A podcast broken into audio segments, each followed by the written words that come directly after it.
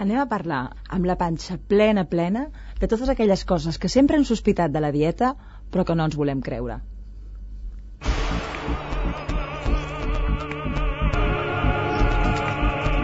L'Hora de Plutó, amb Núria Ribot.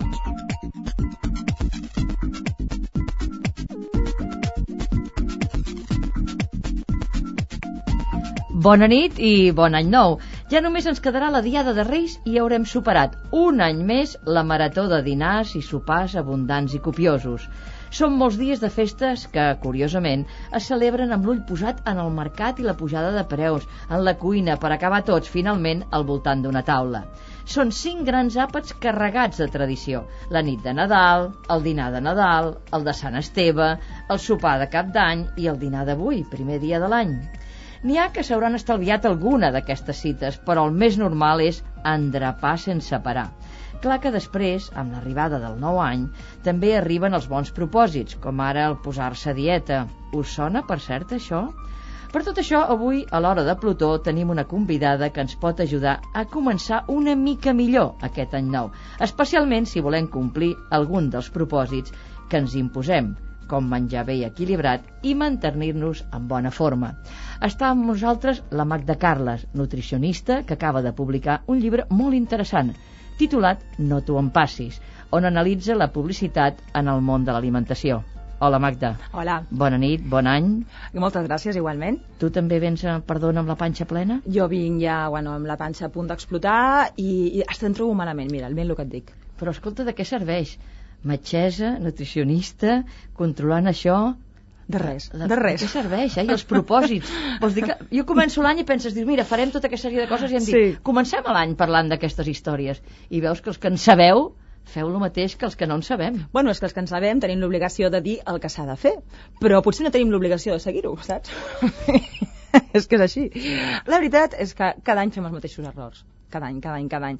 I jo també avui faig molts bons propòsits. Doncs bé, intentarem que també els oients et segueixin el que els hi diguis. A veure, aquell llibre, no t'ho en passis, tot allò que els publicistes no volen que sapiguem. Sí.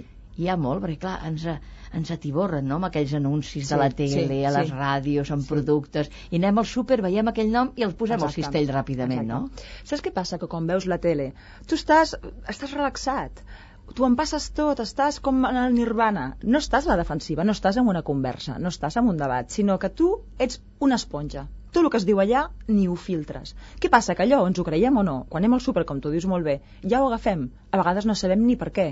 Però la tele fa la seva labor, la publicitat fa la seva labor. De fet, són pocs segons que estan pensats al mil·límetre. Imagina el que val un la televisió, no? Doncs cada segon, cada espai, cada paraula o cada silenci té un significat. I tu, tu en passes. Magda, ens enreden molt.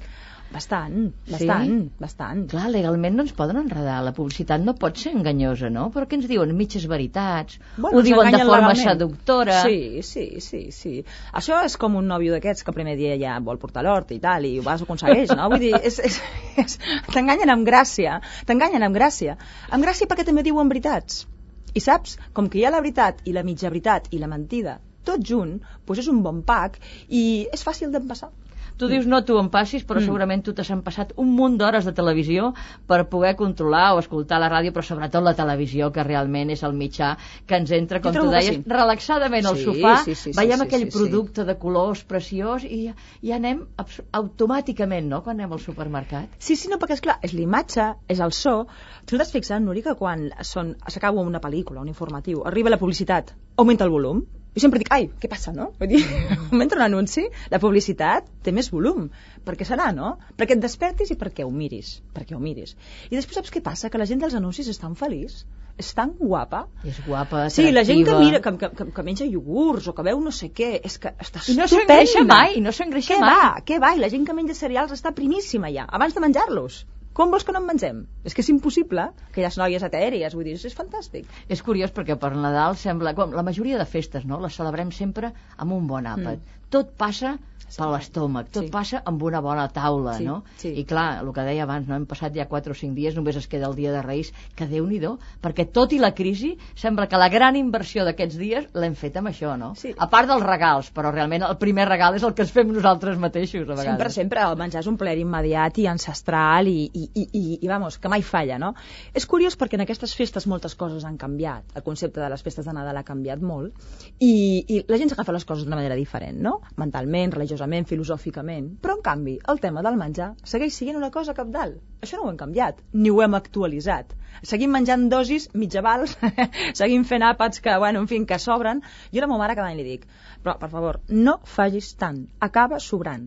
Deu fer uns 30 anys que li dic, doncs encara no hi ha hagut maneres. Jo Ho penso, si la meva mare porta això, doncs les altres mares també, no? Clar. Tu t'ho poses davant i també t'ho menges, per això. No, no, no, no, no, tot no, eh? Tot no, perquè si avui em trobo malament, imagina't si m'ho mengés tot. Però vull dir que són coses deuen ser genètiques o cel·lulars, no? D'aquelles èpoques en què els humans tenien passaven gana, jo no ho sé, però la cosa és així.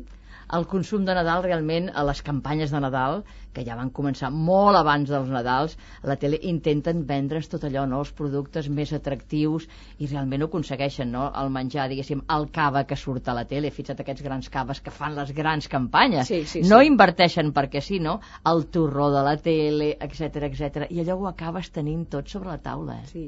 I saps què passa? Que a més té, té trampa això. Perquè aquests menjars de Nadal, t'agradin o no, t'aboquen èpoques, t'aboquen quan eres més petita. El menjar no és només menjar, eh? no són proteïnes, hidrats de carbó que entren per la fibra, pa, pa, pam, no. És molta cosa. És filosofia de la vida, són records, són sensacions. Igual que la música. Tu poses una música i t'aboca un moment, tu menges i l'aroma i el sabor també t'aboca un altre moment. Clar, això té molta trampa, perquè els Nadals és la infància. Quan hem sigut més feliços per Nadals? Quan érem nens, no? Doncs cada vegada que tu menges un torró és, oh, oh que bonic, tot va bé. I clar, això, és, això està venut segur. Jo compro, clar. Jo compro aquest momentet de felicitat. Jo espero que els nostres oi- oients també avui comprin el que ens diguis, comprin les teves recomanacions, perquè, evidentment, com a metgessa, eh, ets conscient de que tot això de que tirar de beta d'aquesta manera no podem seguir no. tirant. Per això, el primer d'any, diem, farem una sèrie de propòsits, des del gimnàs a la dieta, etc etc. Aquesta vegada, a veure, feu cas a la Magda Carles, a veure si aconseguim començar aquest 2009 amb una mica més d'entusiasme i de cuidar-nos una mica. Però abans de seguir parlant amb la Magda Carles, la Marisa Gil ens explica una mica més a, a prop de la nostra convidada. Qui és la nostra convidada?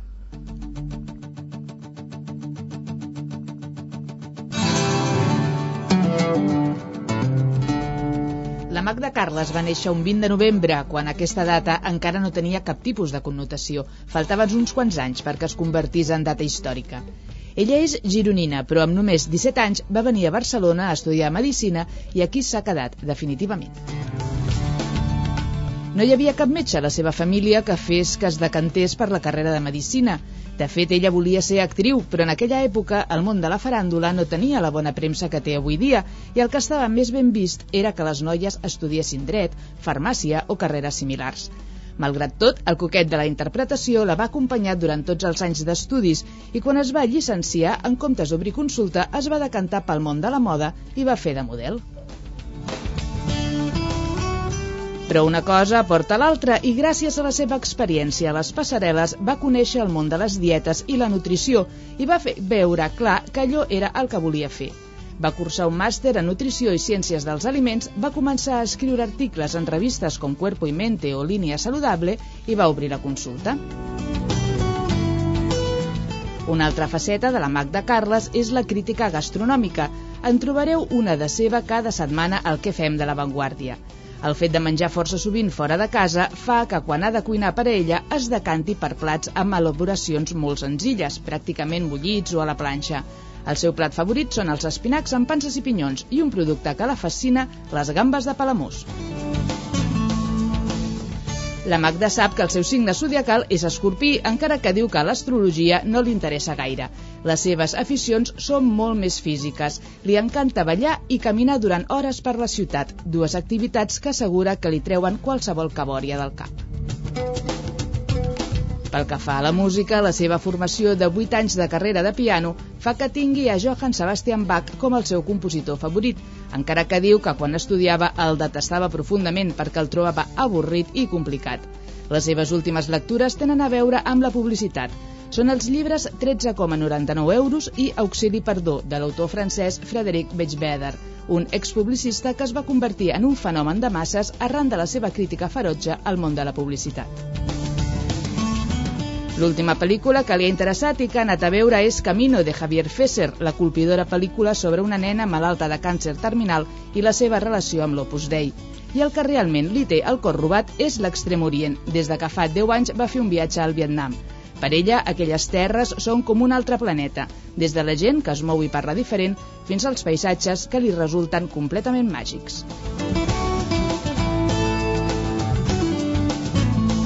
Magda Carles, t'agrada caminar, t'agrada viatjar? Bueno, si camines almenys ja pots, diguéssim, menjar una miqueta. I viatjar, Suposo que el viatjar, clar, també ho mires des d'un prisma, diguéssim, de l'alimentació. La gastronomia a vegades et dona molt el perfil de com és aquell país. No cal anar a menjar allò en aquells restaurants de, no. de menjar internacional que en no. diuen, que és, és terrible, no? Tu menges, quan vas al país, menges el que menja la gent? Sí, sí, sí, procuro, procuro, m'encanta. Que a vegades no m'agrada, però m'agrada descobrir-ho, i si no m'agrada, no m'agrada. Però penso que amb el que mengen com deies molt bé, descobreix què pensa la gent, eh, la filosofia de la gent, quins recursos té, què valora, perquè amb el menjar es veuen moltes diferències. I encara que a Occident tots tenim cada vegada la cosa més homogeneitzada, malauradament, a, a fora mm, tens verdaderes sorpreses. Uh -huh. mm. En quin país et quedaries per la seva gastronomia i per la forma que mengen, per exemple? En quin país? Home, jo sóc una enamoradíssima de la cuina italiana és que m'agrada tot d'Itàlia. O sigui, tot el que mengen al nord, al sud, al mig, és que és fantàstic. Tenen la sort que cada regió té algú que m'agrada. Tant si vas a, jo que sé, a Parma, com a Roma, com a Milán, és que en saben. No sé mm -hmm. què tenen els italians, i a més és sa. I a més mengen bé, és que ho tenen tot aquesta Això gent. anava a dir, mengen bé els italians, perquè abans sí. tenim aquesta idea potser equivocada que la pasta engreixa, etc etc. Després, clar, quan li posen les salses, perquè la pasta sola la majoria no la mengem així, no? Sí, la pasta xuta és molt... No, és, molt, és molt eixuta. És molt eixuta, però ells també fan una cosa que nosaltres no fem tan bé, i és que cuinen molt bé les verdures, els italians. És veritat que mengen pasta i que mengen, però també mengen molt peix i també mengen molta verdura. I si anem a les regions del sud, com Sicília i, i bueno, tot el que és la, la part de la, de la sabata de la bota itàlica, itàlica, de veritat que tenen una dieta que és magnífica. Senzilla, eh? Mengen molta sardina, mengen molt peix blau, mengen molta verdura d'aquesta més aviat, més aviat doncs, de, de temporada, sense sofisticacions, és una meravella. Uh mhm. -huh. I a més que ho saben, ho saben posar molt bé. Jo trobo que és una cuina la italiana, la del nord és molt més, evidentment, molt més de, de mantega, està, està més a la vora ja del centre d'Europa, però mira, a mi m'agrada. Jo sempre que vaig a Itàlia, vagis a un restaurant més senzill, o més car, menja sempre bé. Si tu fossis la Vicky o la Cristina que arriba a Barcelona, sí, per exemple, sí. què diries de la nostra gastronomia? Ho fem bé, mengem bé, pot ser molt bona, però és adequada pel nostre cos? Ah, jo si fos la Vicky o la Cristina diria aquesta gent ho fan bé, però cal pagar molt, eh, per menjar bé. sí, sí, sí, realment diria això i penso que no m'equivocaria gaire. Penso que en aquests moments tenim una quantitat de recursos tant tradicionals com creatius fantàstics, però se'ns ha pujat una mica els fums al cap. Uh -huh. Jo penso que els preus de Barcelona eh, de restaurants són, francament, desquiciats. T'ho dic en sèrio, eh? Uh -huh. per, per lo que és Barcelona, per lo que és Europa i per lo que són els restaurants de París, de Londres o d'aquests puestos. Uh -huh. Sí que ho fan molt bé. Sí que ho Mengem fan molt bé? bé. Mengem bé, mengem bé, però una cosa és a casa, altra cosa és al restaurant. Jo penso que el que li falta a Barcelona és que el restaurant senzill i mig tingui preus raonables i una qualitat que valgui la pena. O sigui, jo continuo pensant que a Barcelona per menjar bé tens que pagar molt. Uh -huh. Massa. I al marge de Barcelona, la resta de Catalunya, perquè Ai. els oients es estan escoltant sí. des de tot arreu, dius que les cuines són molt variades a molt, Catalunya. Molt, Del nord, del molt, sud, a la molt. costa, a l'interior, són absolutament molt. variades. Sí i molt atractives. Molt, i molt bones, i molt bones. Jo penso que a Catalunya tenim la sort de que tenim molts recursos naturals. No? Si vas a la, la cuina de Tarragona, amb el seu peix, amb les seves ametlles, amb el seu vi... Escolta, cada, cada puesto té el Lleida amb la seva fruita, amb els, amb els cargols, que a mi, que a mi no m'agraden, però bueno, que reconec que és una, que és una cosa que amb, amb personalitat, no? Està bé, està bé.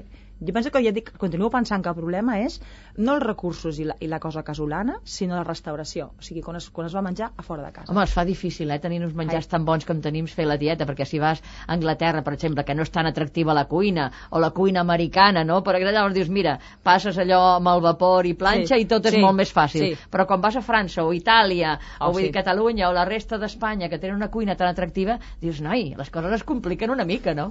Però llavors el secret, el secret és veure i entendre que hi ha coses molt bones i molt suculentes i molt saboroses, que són molt saludables també. A vegades, un dels errors i un bon propòsit que podríem fer és entendre que no sempre el que és eh, bo i tentador a la cuina té que ser pesat o calòric o, o dolent.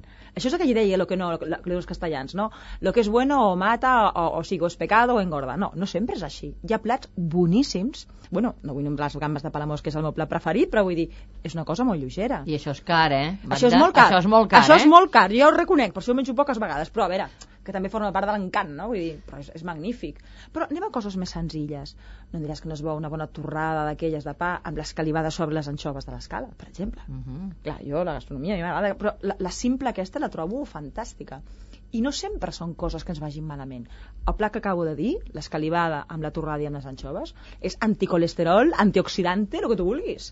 I no és tan energètic com sembla, eh? Mhm. Anem a coses ben senzilles i que les necessitem cada dia i cada dia, mira, el que tenim aquí a la taula. Nosaltres tenim aquí un parell de botelles d'aigua. Parlem del mite de l'aigua. Perquè, de l'aigua. Eh, bueno, l'aigua ja quan vas a restaurants que et posen la carta. Eh, després la, la publicitat que ens parla d'aigua que prima o d'aigua lleugera, que no pesa. Què és tot això? A veure, a veure. Gran embolic. Fes-me'n cinc cèntims perquè realment... mm, jo em Sí. quedo amb la d'aixeta, la de l'aixeta, però segurament molts oients tenen aquella marca, l'altra marca que és més bona, o com dic, una carta com els vins i hi ha la d'aigües ja. Sí, sí, clar, perquè és que l'aigua té diferents buquers, no?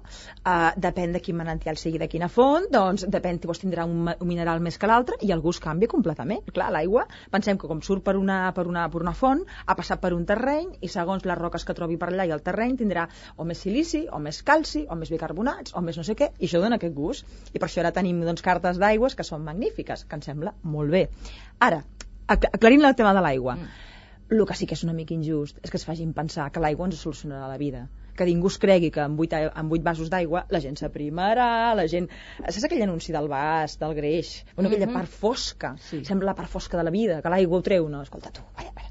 8, 8 vasos d'aigua són 8 vasos d'aigua. Seran dos o tres vegades que iràs al lavabo a fer pis i s'ha acabat. Per algunes persones serà molta aigua, per altres mm, serà suficient. Comencem per dir que no tothom necessita la mateixa dosi d'aigua i tothom està allà amb els vasos comptant. És que em sembla tan, tan absurd tot això, Sí, no? Recomanes veure allò del litro i mig cada dia, que allà començar el dia amb aigua i anar bevent aigua, tot i que no tinguis set? A veure, És jo- recomanable, sí o S'ha no? de veure per la set que es té. Quan una persona és adulta i està sana, s'ha de veure per la set que es té. Perquè el cos és molt intel·ligent. I ja, ens podem imaginar que si tenim gana i tenim set, és per alguna cosa. Tenim uns sensors a dintre el cos, que, a, a, la sang i a les artèries i tal, que quan ja noten una baixada de volum, on és ja molt, molt fi, en el, en el cap s'activen uns, uns, diguéssim, com uns mecanismes que tu tens eh, la sensació de set. Passa una mica semblant com amb lo de gana, per vies diferents, no? Per tant, el cos, si està sa i està ben dissenyat, ja t'avisa.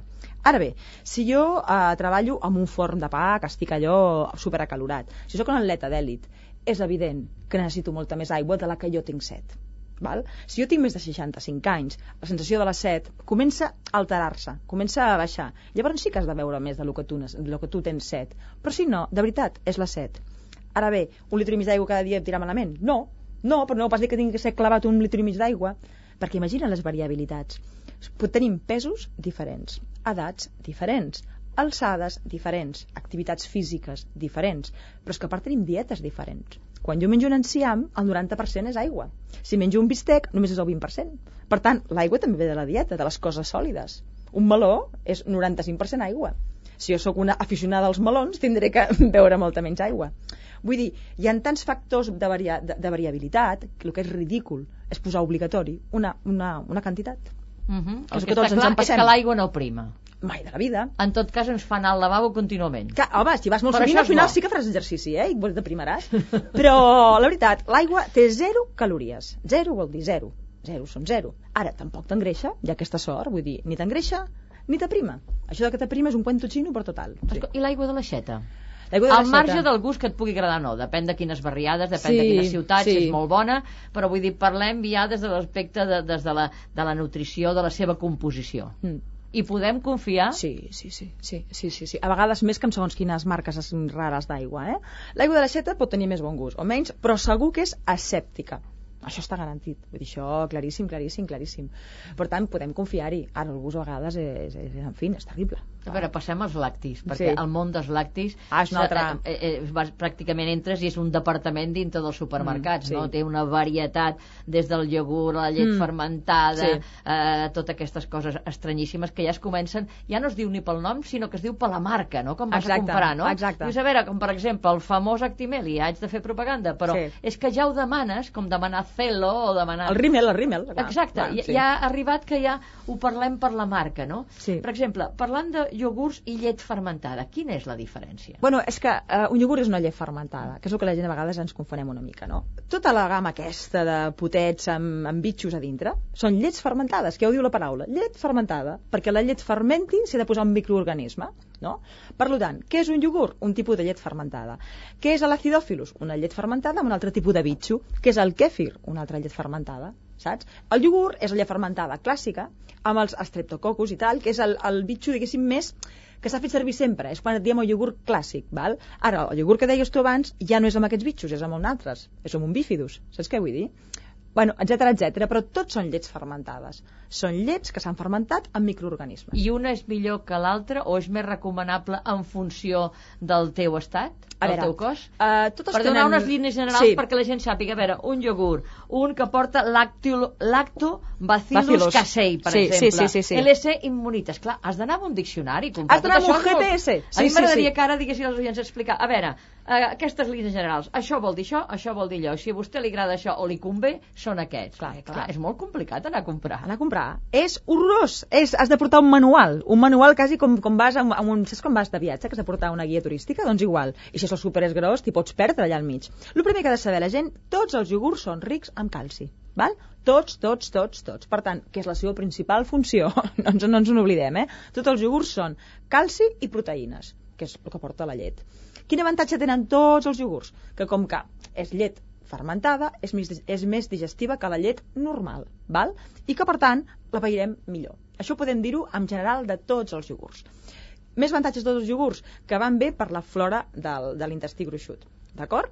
Ara bé, sigui un bitxo, sigui un altre, s'ha vist que, a més d'aquestes funcions, tenen altres petits matisos, no? Per exemple, aquest que deies, lactobacillus casei aquest, s'ha vist, hi ha estudis, diguem-ho així, hi ha, que hi ha estudis que avalen que aquest, que aquest uh, iogurt pot augmentar les defenses de l'organisme com? Pues, afavorint la barrera uh, intestinal, de, diguéssim, immunitària que hi ha al- als intestins. Perquè ens podem imaginar que quan tu te'n passes alguna cosa, el cos té els seus, els seus mecanismes perquè si no es filtraria tot per allà, no? Per tant, és veritat que, les, que les, els intestins tenen una, una certa barrera i protecció, igual que el nas també la té, no? Vull dir, clar, és que si no estiguem tots infectats, no?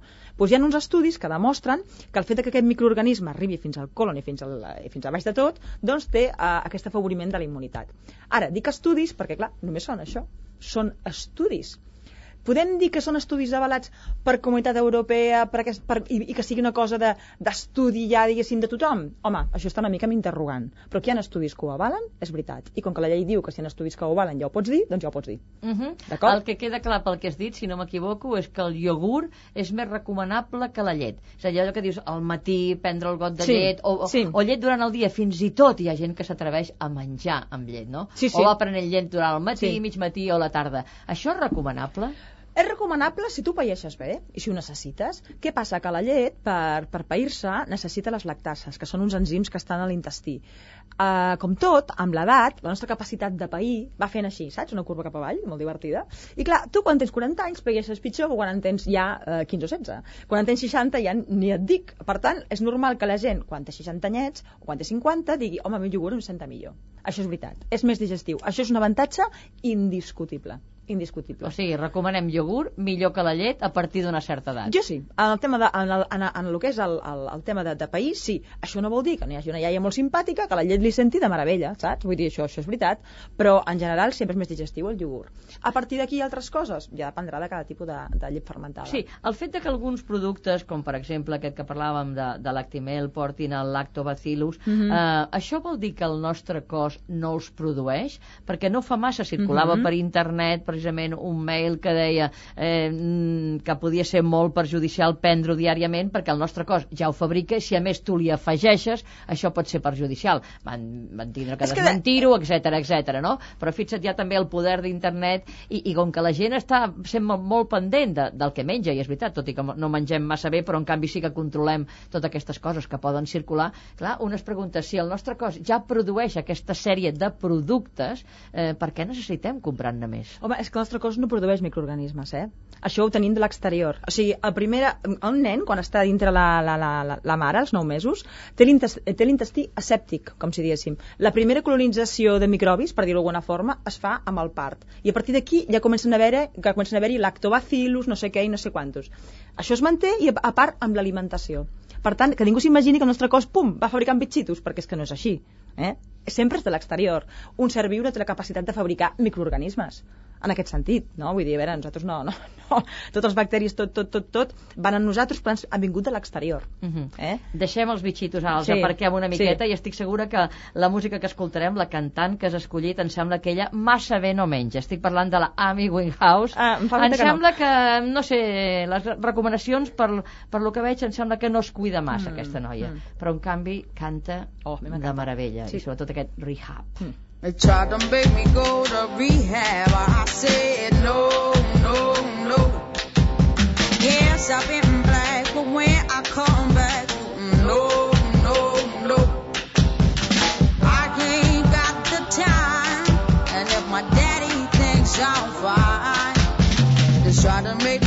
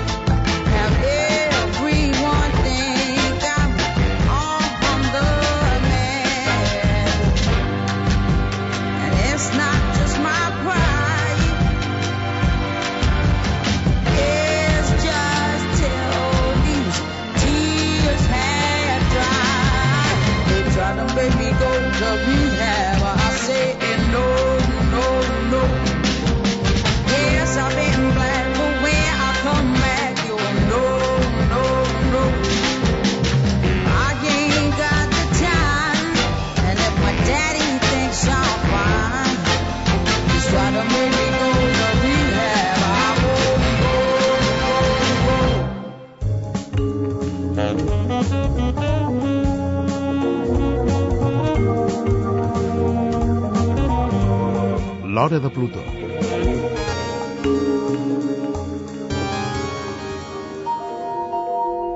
I continuem la conversa amb la Magda Carles, nutricionista, autora d'aquell llibre que els hi recomano, No t'ho en passis, tot allò que els publicistes no volen que sapiguem, i hem començat l'any, això, parlem, parlem de menjar, parlem del que ens hem posat a dintre i que ara tenim intenció, diguéssim, de, de retocar i sobretot fer bons propòsits per aquest any. Aquests dies encara els nanos estan per casa i els nanos continuen sempre l'alimentació dels nanos, no? Mm. I els nanos són els que més precisament et persegueixen quan veuen els anuncis de la Sí, tele. sí. Vull allò. O van a la botiga i volen aquella mena de, de, de, de, de bollicao o del que sigui envasat, que és el menys recomanable, no? Es fa molt difícil, perquè ells realment es deixen emportar per aquests anuncis que, que, bueno, que nosaltres difícilment controlem, però que ells molt menys, no? Mm, És difícil, és difícil perquè a més, el que deia abans, no? estan uh, dissenyats per atraure els més petits. No?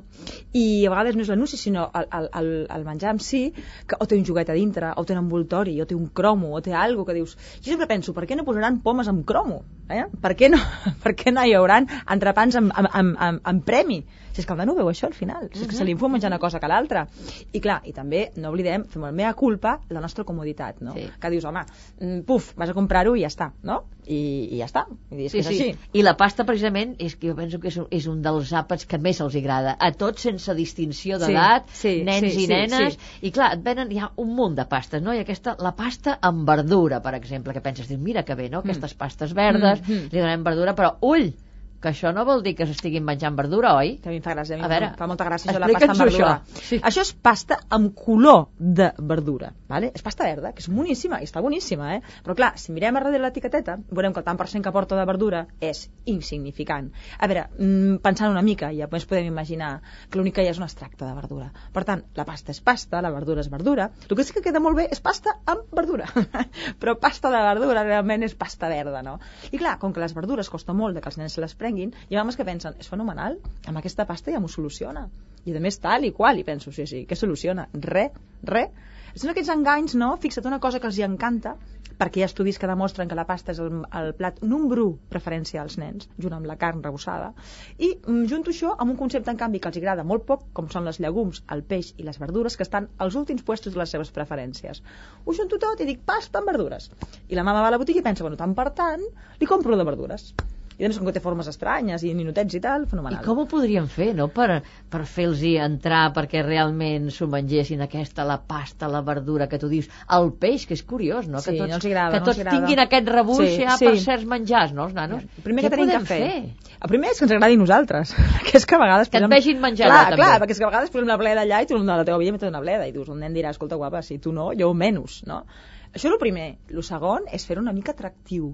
Eh? O sigui, atractiu no vol dir una gran exquisitesa, però això, posar-ho en coses que els agrada, no? La verdura no té, no té per què ser verdura sola i bullida i, i descolorida. Pot ser verdura, això, amb pasta, amb arròs, eh, amb patata, en forma de puré, pot ser dintre una truita, pot ser sobre d'una pizza, pot ser forma de crep. A veure, una mica d'imaginació també, eh? Una mica d'imaginació. I evidentment s'ha de donar també en el moment que el nano tingui més gana i no se li ha d'obligar, sinó que s'ha d'anar intentant, no? Depèn molt dels nanos, això, però a la, a la llarga funciona. És una mica de, saps, una mica d'intríngulis, Mm d'aquest. -hmm. O sigui que si això de la pasta amb verdura ho tenim que posar-ho així una mica amb stand-by, Sí. què diries del paté que porta ferro? Mira, i les tuberies també porten ferro. Vull dir, clar, esclar, és que al final... Però difícil de que- menjar-les. Molt, molt, molt, molt. El que jo vull dir és que, clar, que hi ha moltes coses que porten ferro. La carn també porta ferro, els espinacs porten ferro, hi ha molts aliments que porten ferro. Però la pena, eh, que hi ha aliments que porten ferro i porten un munt de greix saturat, porten un munt de calories, porten un munt de sal, està molt bé el ferro que porten, però que sapiguem que va acompanyat de tota una sèrie de nutrients que no són tan fantàstics. Eh? En qualsevol cas, en el cas del paté, de qualsevol paté, ha de ser un aliment molt esporàdic i molt ocasional. És evident que no es podem alimentar de paté. O sigui que allò el berenar, la, la torradeta amb una mica de paté, de tant un en dia, tant. un dia sí, però com a cosa base no, perquè, a veure, és que tros de pernil, per exemple, també té ferro, és evident, i en canvi no té tant greix saturat. Eh? O sigui que, que amb això tenim que ser una mica... Està molt bé que tingui ferro, eh? amb això... i a més tenen raó, eh? en aquest cas tenen raó, té ferro, però, bueno, té moltes altres coses. Per què no posen tiene hierro i colesterol i saturada i sal i pimienta? Saps què vull dir? Allò, deixen només el que deien de les veritats, no? Ells fan sortir el que els interessa. Uh -huh. Que és molt lògic. Però les etiquetes legalment no han de posar claríssimament el contingut de totes aquestes coses? A veure, la- l'etiqueta té l'obligació de posar els ingredients. I ells et posaran hígado tal, de cerdo tal, más espècies, más e no sé què, más e no sé quantos. Però llavors, ells, eh, a no ser que sigui un aliment dietètic o un aliment que, que diguéssim, de, per nutrició especial, no tenen tampoc l'obligació de posar tota l'etiquetatge, proteïnes, grasses, ta, ta, ta, ta, ta. En aquest cas, sí que tenen l'obligació aquesta gent, com que anuncien que té ferro, tenen que posar quan ferro té. Això és veritat. Però vull Mhm. dir que tenen, estan obligats a posar els ingredients però no obligatòriament tots els aliments han de portar a l'etiquetatge nutricional que iria molt bé, eh? Uh -huh. Una altra cosa que estic segura que amb els nanos que estan a casa aquests dies ja eh, a l'espera dels Reis tota aquesta mena de dolços, de xocolates amb sorpreses, Oi, sí, els sí, sí, ous sí. aquests guarnits amb tot de coses dintre Vull dir, clar, és, tot això és molt atractiu, no? Això és fantàstic. És, és, clar, tot allò que penja de l'arbre Nadal, mm. Mm. totes aquestes coses, però clar, mm, hem d'anar al tanto. Sí, sí, perquè òbviament té molt bon gust, però té molt sucre, té molta grassa, té molta energia. Tu, per cert, has vist quins joguets arriben a posar dintre aquests ous? Jo és que me'n vaig menjar uns quants per, per, per poder parlar d'això i vaig pensar, és increïble, no el gust de la xocolata, no? Deixem-ho estar. El, com poden eh, arribar a fer que una cosa que queda així de- eh, eh, d'un pam a quebre amb un ou que fa 5 centímetres o 4. És una verdadera virgueria. Amb això els dono la raó. Es mereixen que la gent ho compri, perquè és que el joguet és fantàstic. Ara, la xocolata doncs, ha de ser una cosa doncs, amb, molt, amb molta cura, en aquest sentit, perquè és una xocolata molt dolça. La que estem parlant, eh? Molt dolça, molt enganxifosa i, i, i una càrrega doncs, d'energia molt elevada. El qual no vol dir que si la xocolata és més autèntica, en el sentit més cacau, no sigui també un bon aliment si es, si es pren en plan esporàdic. Quan més cacau, més recomanable, allò Sí. que veiem 70, 70%, 80%, 90%, més amarg, però això als nanos els agradarà poc, no? Clar. L'amargor... Clar, tampoc cal, cal que sigui tant. Jo, no- hi ha una cosa que no he entès mai. Per què als nens, quan fan xocolata per nens, els hi posen una càrrega de sucre i de llet? Perquè de làctics ja en prenen els nens. No cal que anem a la xocolata per prendre llet. No és un bon argument, prengui vostè xocolata perquè porta llet. És que ja en prenen els iogurts i el formatge ja s'ho prenen. En canvi, si fessin xocolates amb més cacau, jo no dic un 70, però un 50, un 60, el cacau té moltes avantatges. Si fessin xocolata per nens amb cacau i només la grassa del cacau, cosa que seria molt més car tot això, és a dir, si aquests ous fossin com jo estic dient, valdrien tres vegades més.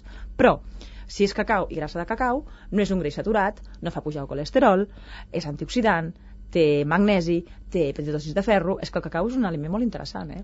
Ara això sí, el nano igual t'estimula perquè és com un, saps? És una, és una dosi de- d'estímuls, de, la xocolata, però ben dosificat està millor. Seria més bon aliment. Ja et dic, mai entès perquè amb els nens ha de ser xocolata, amb poc cacau i llet. És una cosa que no comparteixo. Uh -huh. No. Un altre dels mites també que, que ens venen, de productes eh, alimentaris que primen. Clar, Clar, sembla com una contradicció. En tot cas, jo sempre penses el que prima és no menjar, fer exercici, Mm. fer dieta, en definitiva, Sí, no? sí. Eh, És veritat, això? Hi ha No. productes que menjant t'aprimis? No, no, no hi ha res, no hi ha res que menjant t'aprimis que sigui un aliment, eh? Si parlem de medicaments, ja estem amb una altra història. Però menjar de menjar normal, desgraciadament, perquè si no, escolta'm, ja estaria inventat, no? No hi ha cap aliment que primi. El que sí que prima és augmentar l'activitat física, que no té per què ser en el gimnàs, com molta gent al dia d'avui s'estarà dient, ara sí que iré. Mentida! Irà aquest mes i el que ve i el mes de març ja ningú se'n recordarà, perquè la cosa va així, saps? La gent se'n recorda després el mes de maig i juny, saps? Abans del dir, ostres, el biquini. Però si no, vas, vas, vas, vas pagant i vas tirant, no?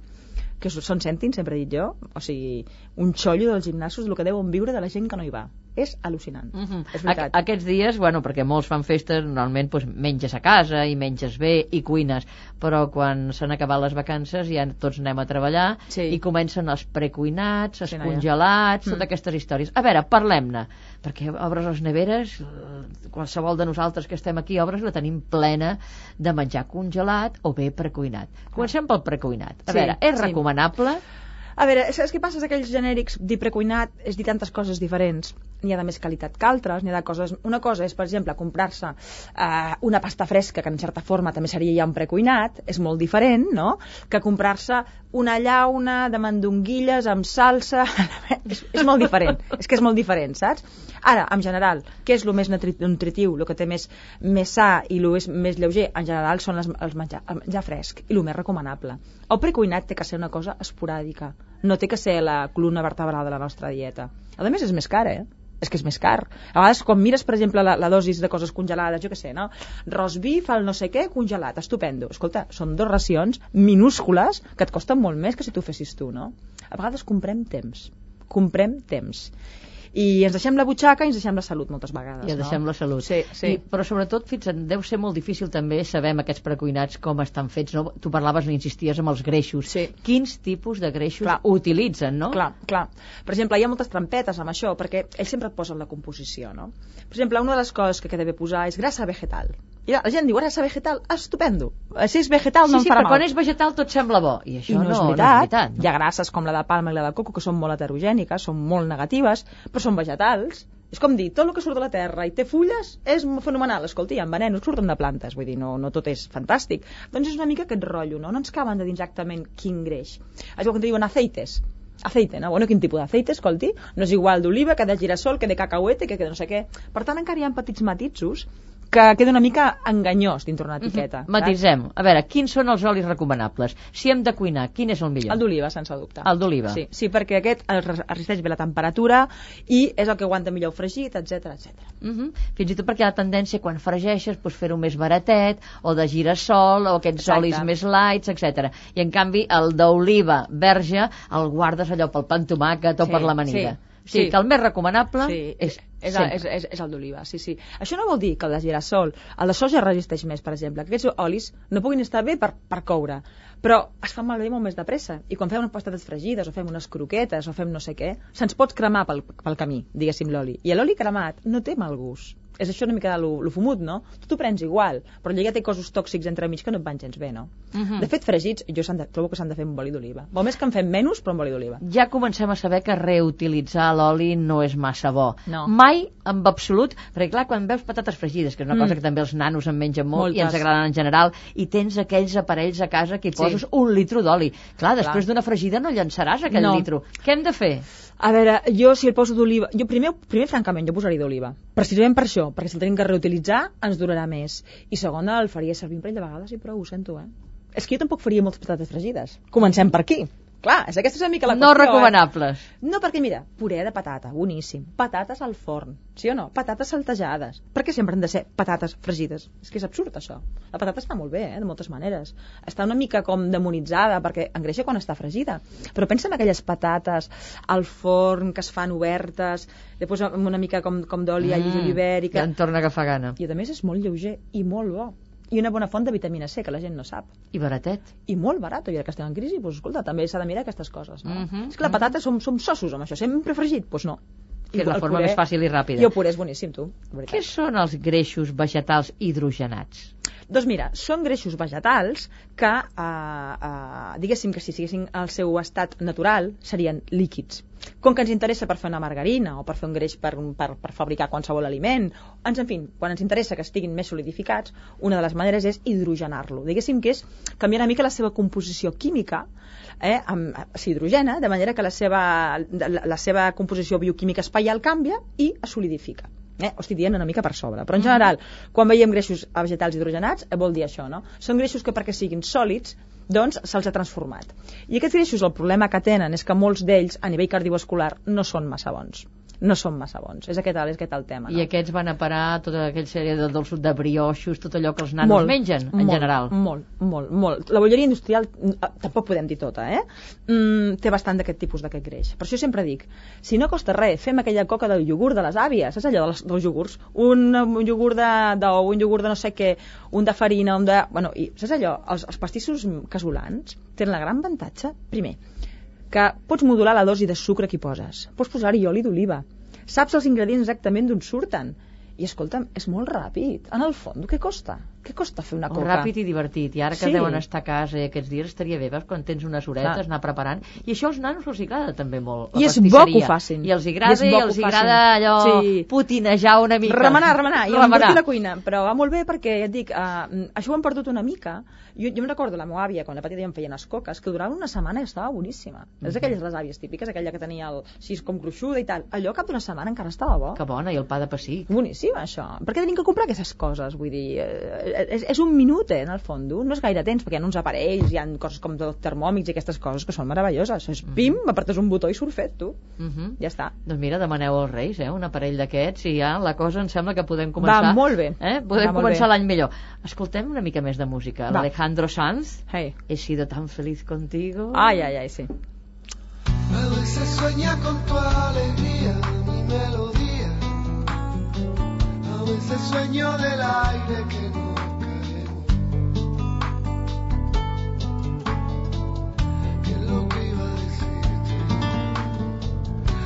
Veces sueña con tu alegría, mi melodía. En esas noches que escribo sobre techo. Lo que quiero decirte aún es que he sido tan feliz contigo.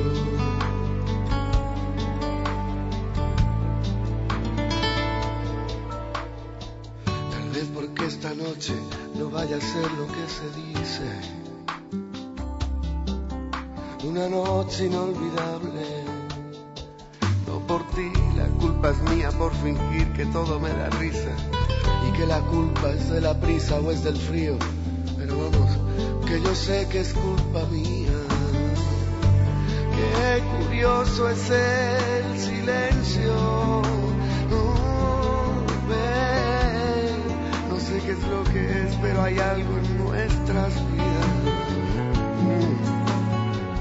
En esta noche yo enloquecería y al amanecer te fueras sin haberte dicho yo he sido tan feliz contigo Eh, a ver si sueña con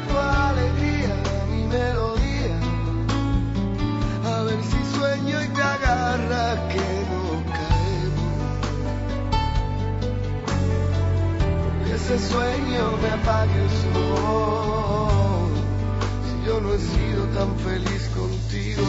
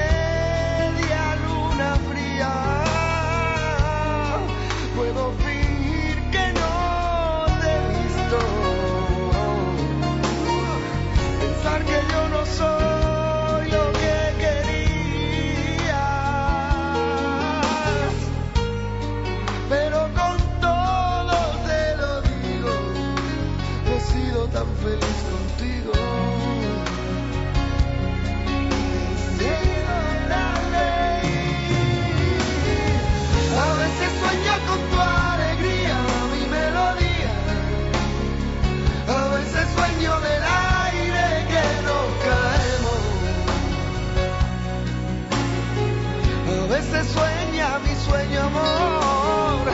A veces sueño que no amanece, que nos perdemos. Y un firmamento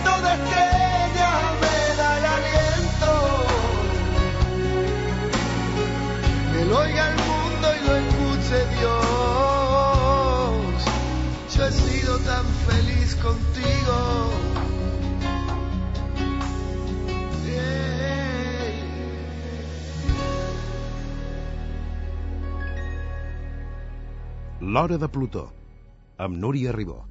I arribem a la darrera part d'aquesta conversa d'avui amb Magda Carles, eh, nutricionista i autora d'aquest llibre No t'ho en passis. Hem començat parlant dels menjars, de les aigües, i quasi bé no tenim ni temps d'arribar al postre perquè el temps se'ns acaba. Però jo et voldria demanar, Magda, so, eh, parlar sobre els aliments funcionals. No? Què, què vol dir tot això? Aquests aliments que, evidentment, eh, a part de nodrir, sembla que tenen algunes característiques miraculoses. Sí. És veritat, això? O també és publicitat? A mi m'agrada molt aquesta, aquesta, aquest verb semblar, no? perquè és que a vegades sembla i no és a vegades no sembla tot, tot, tot el que és que ser. No? Realment són aliments que alimenten, això segur, són aliments que no et faran mal, això segur, però que també tenen una característica que a més a més ens afavoreix. Eh? Per exemple, llet amb omega-3, doncs és una llet que a part del calci, proteïnes, no sé què, no sé quantos, té els omega-3, no? Bueno, doncs ja és una cosa que t'afavoreix. Què vol dir omega-3? Perquè aquí t'ho volia demanar. Allò, del, dic allò 3, del eh? diccionari, què és això de l'omega 3? Doncs l'omega 3 és un tipus d'àcid greixós. És una mica complex eh, d'explicar. La gent diu omega 3 com podria dir, Però ens convé doncs, per què, alfa, cas? alfa, alfa plus, no? Sí. sí. Doncs pel sistema cardiovascular. Eh? Eh, ens convé per evitar la, el, el, que el nostre sistema cardiovascular doncs, s'envelleixi. Ens convé perquè les artèries estiguin en forma. Ens convé per baixar nivells de colesterol. És antienvelliment. Bueno, ens convé per moltíssimes coses. Però jo, la bona notícia és que aquests omega 3 no cal que els busquem a la llet perquè el peix blau també en porta. O sigui que si menjar una sardina no cal que prenguis llet amb omega 3 que és surt molt més barat i és molt més saborós i està bé, està bé, està bé, està bé. És aquesta la qüestió, no? Sí, i els aquests cereals d'avena que redueixen el colesterol, això també és cert? No són aquests cereals, és que l'avena, l'avena en general, no? doncs porta betaglucano, que és una espècie de, de, de fibra que porta, que s'ha vist amb estudis que amb una determinada dosi baixa el colesterol. O sigui, això és veritat. Però no l'avena d'aquests cereals, l'avena d'una papilla, l'avena d'una galeta, l'avena d'un tot ho vulguis. Clar, ells diuen, oh, con betaglucano que no sé què. Sí senyors, tenen raó, però no són vostès sols que porten el betaglucano, perquè el betaglucano és propi de l'avena.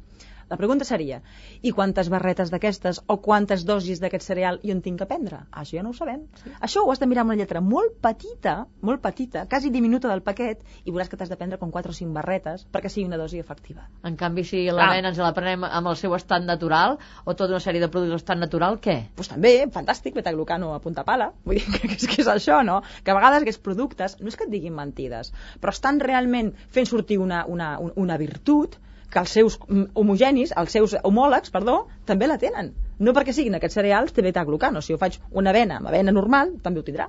En definitiva, si anem al mercat, comprem la verdura, la pasta separada, comprem els cereals, comprem l'avena, no cal que comprem cap producte. no. Estem enfonsant el xiringuito de, de la majoria d'empreses del país. A veure, el que passa és que la gent ha de tenir en compte una cosa, salvo, salvo problemes molt específics, un, quan menja variat, fresc i equilibrat, no necessita res. De veritat, eh? Una persona sana que mengi variat i equilibrat, el que entenem tots per dieta equilibrada, amb carn, peix, ous, verdures i fruita cada dia, llàctics, etc etc i farinacis, no necessitem res més. Ara bé, dius, és que jo tinc carència de calci, o jo estic anèmica, o jo tal... Ja, ja canvia l'assumpte. Però les persones sanes no tenen per què comprar cap producte d'aquests. O almenys no tenen cap obligació. Mm -hmm. Això és important de saber-ho. Que després tu vulguis comprar-ho, em sembla bé, em sembla bé. Però clar, potser la primera reflexió seria la gent ja sap el que li va bé o el que té malament quan va al súper? Tu saps que estàs anèmica? Tu saps si tens més osteoporosis del compte? Tu saps si paeixes malament? Vull dir, hi ha una sèrie de qüestions que potser seria el primer que tindríem que saber de nosaltres mateixos. Què necessitem? No el que ens diu la tele, sinó el que necessitem realment nosaltres. I aquesta és la pregunta, no? Mm, aquesta Clar. és la pregunta que suposo Clar. que persones com tu, nutricionistes o dietistes, Sí. són allò que feu a l'anàlisi i dius, Sí, mira, us sí. convé i aneu per aquí. Sí, sí, sí. A veure, una, un metge nutricionista el que fa és fa una història clínica normal i corrent de, de, de, de metge internista i després doncs, realment doncs, fas una analítica de sang i, i, amb la, i amb la, aquella persona, les seves característiques i el seu historial, més o menys pots recomanar. És molt difícil, eh? No hi ha dietes ideals, ni miraculoses, ni específiques per a aquella persona. És que a vegades creiem, escolta, faci una cosa que sigui per mi És perfecta. el que anava demanar, perquè estem ja pràcticament als últims segons Ai. i diran, digui'ns alguna cosa que funcioni bé i ràpid i que no enraqui la butxaca. Mira, funciona bé ràpid el menjar fresc, les quantitats petites, la variabilitat, fruites i verdures cada dia, realment, i no obsessionar-nos a massa. I que el pes sigui un pes sa i estable. No totes poden ser la Kate Moss, no tothom pot ser una model ni un maniquí, però si ens trobem bé nosaltres mateixes i estem un pes mèdicament sa, no ens hi que fiquem més. Ara al gener no vulguem perdre els 5 quilos que hem guanyat en una setmana, per què no? Donem-nos almenys dos mesos, mira el que et dic, dos mesos. pues ens diem adeu amb una mica de música, amb el Captain of Her Heart del grup Double, Doncs mira, amb aquesta cançó, que em va fascinar fa molts, molts anys, amb el grup Double ha passat una mica amb els bons propòsits també de l'any, no? Que van començar molt bé, amb una cançó fascinant, però després s'han esvaït, esvaït, esvaït en el temps. I nosaltres també ens esveïm. Diem adeu, hem començat l'any amb la Magda Carles, nutricionista, autora d'aquest llibre, No t'ho en passis, tot allò que els publicistes no volen que sapiguem, d'editorial Columna. Us donem les gràcies en nom de tot l'equip, en nom de la Marissa Gil, en els guions, de la Dolors Joanola a la producció i de la Rosa Silloé a les vies de so. Qualsevol comentari tenim un correu electrònic, plutó arroba catradio.cat. And with the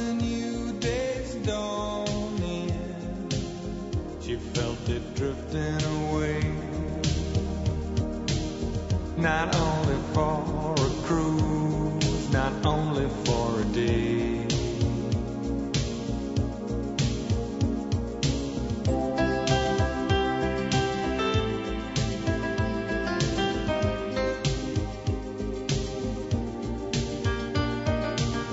Too long ago, too long apart. She couldn't wait another day for.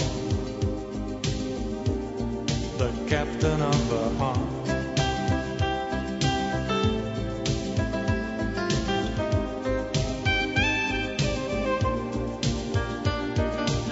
As the day came up, she made a start. She stopped waiting another day for